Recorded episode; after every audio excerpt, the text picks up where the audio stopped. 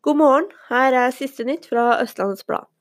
Langs skinnegangen på vei inn mot Ski stasjon har spunten beveget seg 20 cm og påført skader på Telenor-bygget.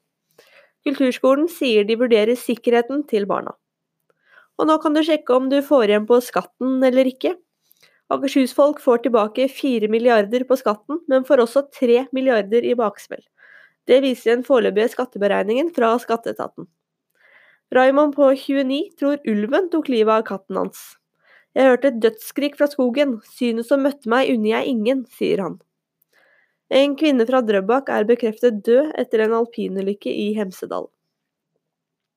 Kommentarfeltet på politiets Facebook-side tok helt av da de ba om tips om østeuropeiske vinningskriminelle. Ekspert advarer mot å piske opp en mistenkeliggjørende stemning.